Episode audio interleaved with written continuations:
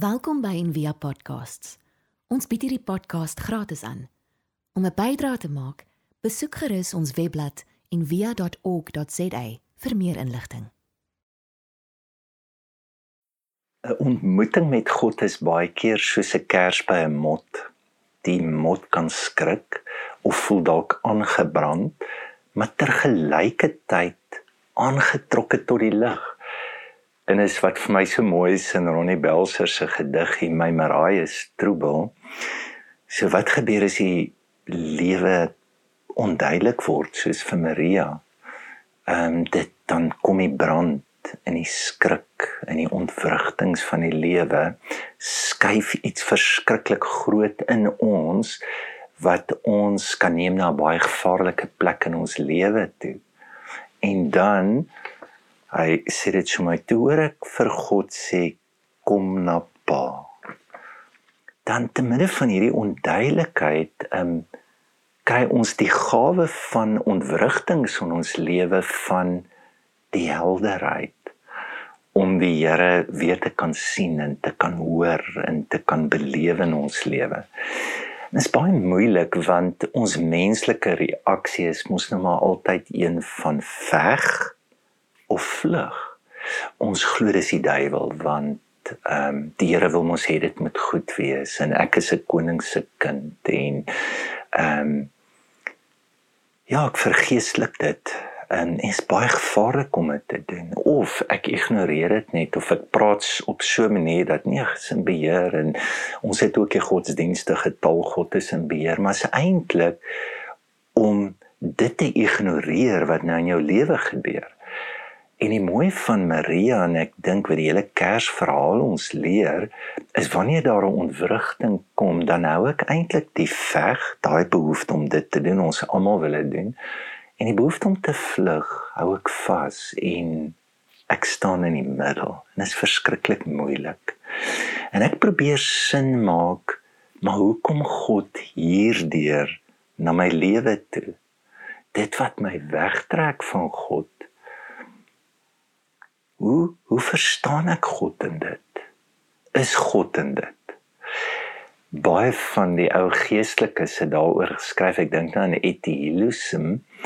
Uh sy het haar dagboek genoem in Interrupted Life. En is maar basies wat die Bybel is. Dis 'n dagboek wat mense gehou het. Hulle het nie geweet hulle skryf dit nie, maar van hierdie ontberinge, van hierdie van die ongewone hoe hulle planne nie uitwerk nie hoe hulle lewe um inbrake kry wat hulle voel maar nou verloor ons alles en dan daai verlies is dan die grootste wins hoe God um ja nuwe identiteit 'n nuwe lewe 'n nuwe teologie 'n nuwe manier van dink van God 'n nuwe manier hoe ons iets kan beteken vir hierdie wêreld dis dis dis wat dit word.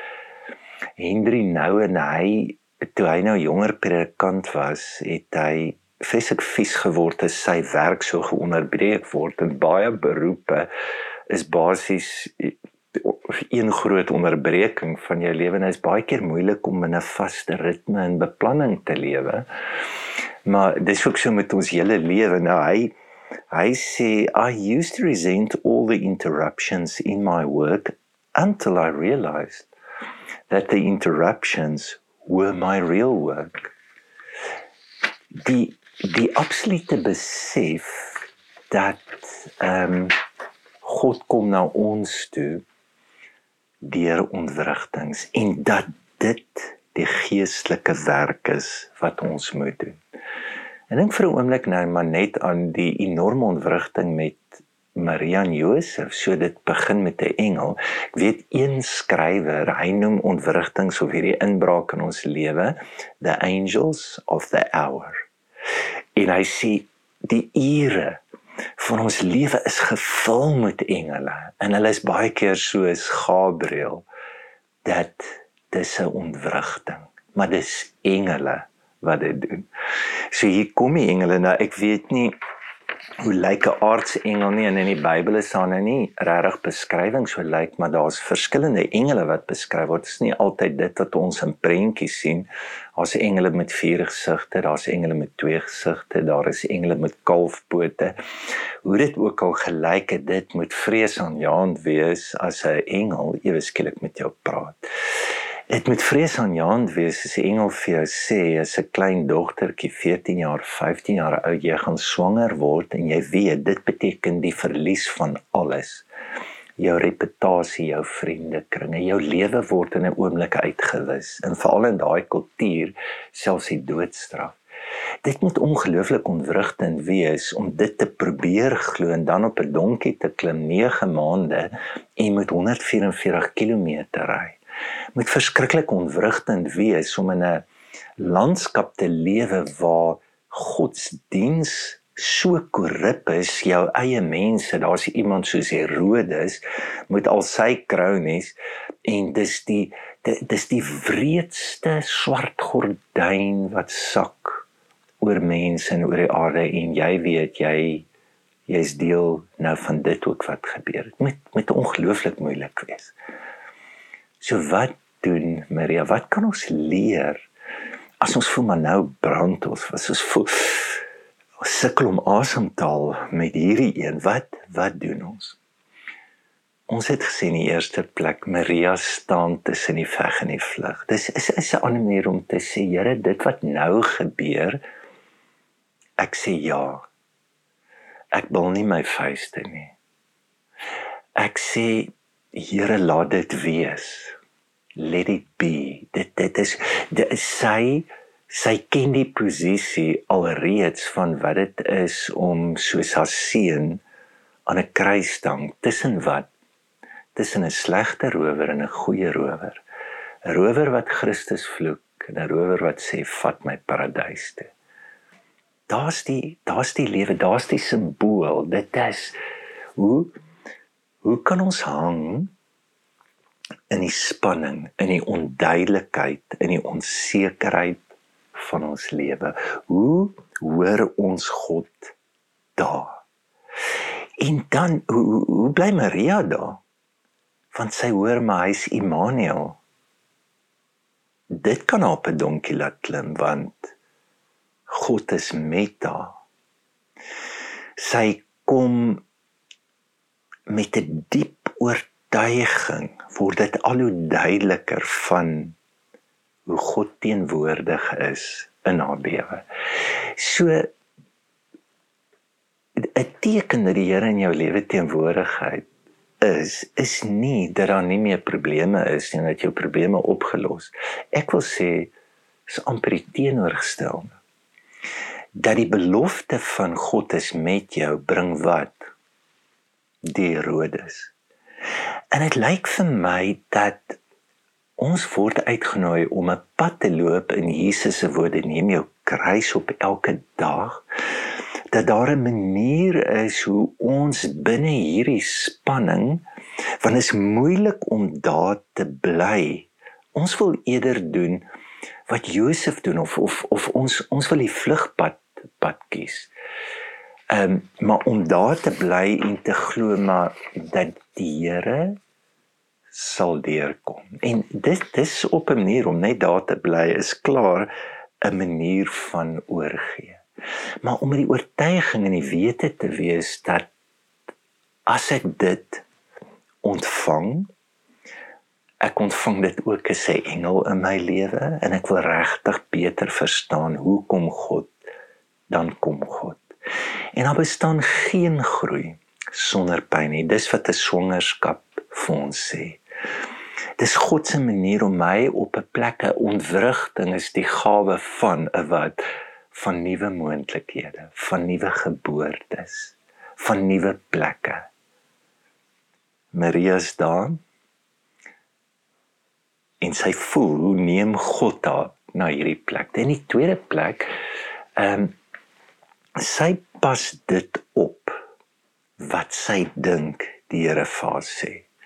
So twee keer staan daar en Maria het al die woorde bewaar en dit oordink. So daar's 'n diep reflektiewe lewe gaan die hele tyd terug doelbewus intentioneel na dit toe probeer nie wegvlug van dit of dit rasionaliseer of dit vergeestelik nie ek hou daardie woorde vas dis belangrik. Nou Spreuke 6 Spreuke 4 vers 23 bewaar jou hart meer as alles wat bewaar moet word. Nie jou beursie nie nie jou eiendom nie nie jou reputasie nie. Jou hart nou wat beteken dit? Beteken nie jy ken meer Bybelverse. Beteken nie jy jy praat op 'n sekere manier oor God of jy behoort aan een of ander ideologie wat jy dink die beste is of die regste is nie. Dis nie hoe jy jou lewe oppas nie. Dit gaan jou niks help nie. Bewaar jou hart want daaruit is die oorspronge van die lewe.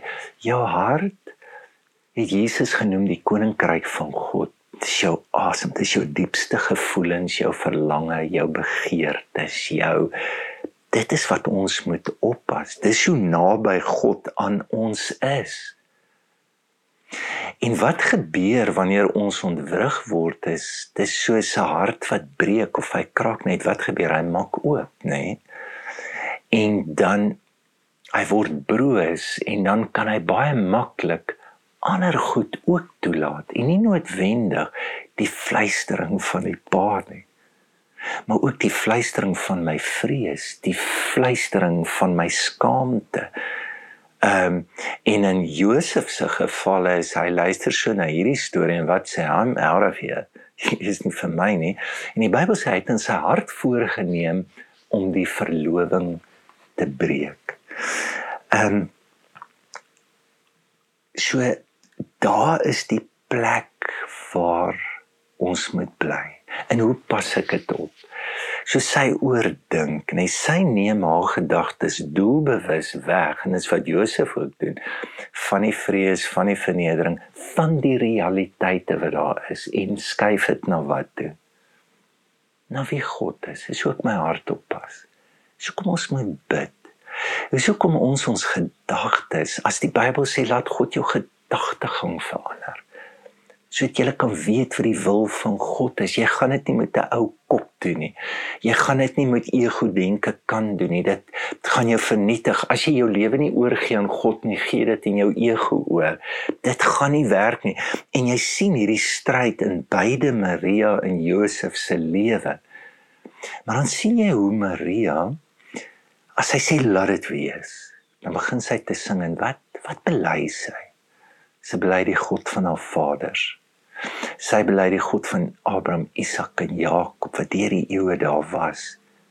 Jy, jy sien dit, dis gebed. Gebed begin met hoe God na ons kyk en hoe God nog altyd is eerder as wat God nou vir jou is.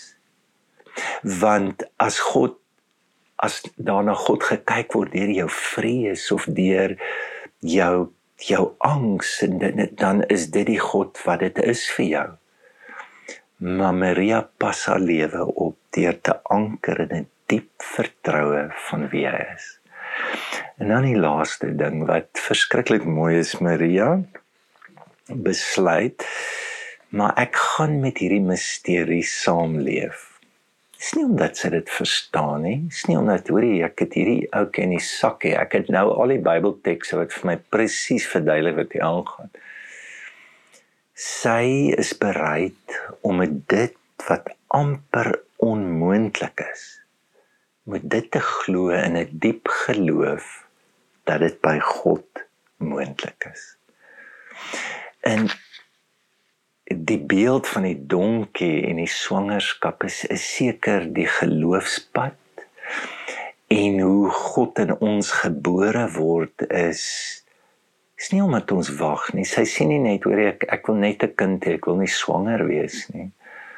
Sy's bereid om te midde van die grootste onsekerheid geen bewyse nie te glo.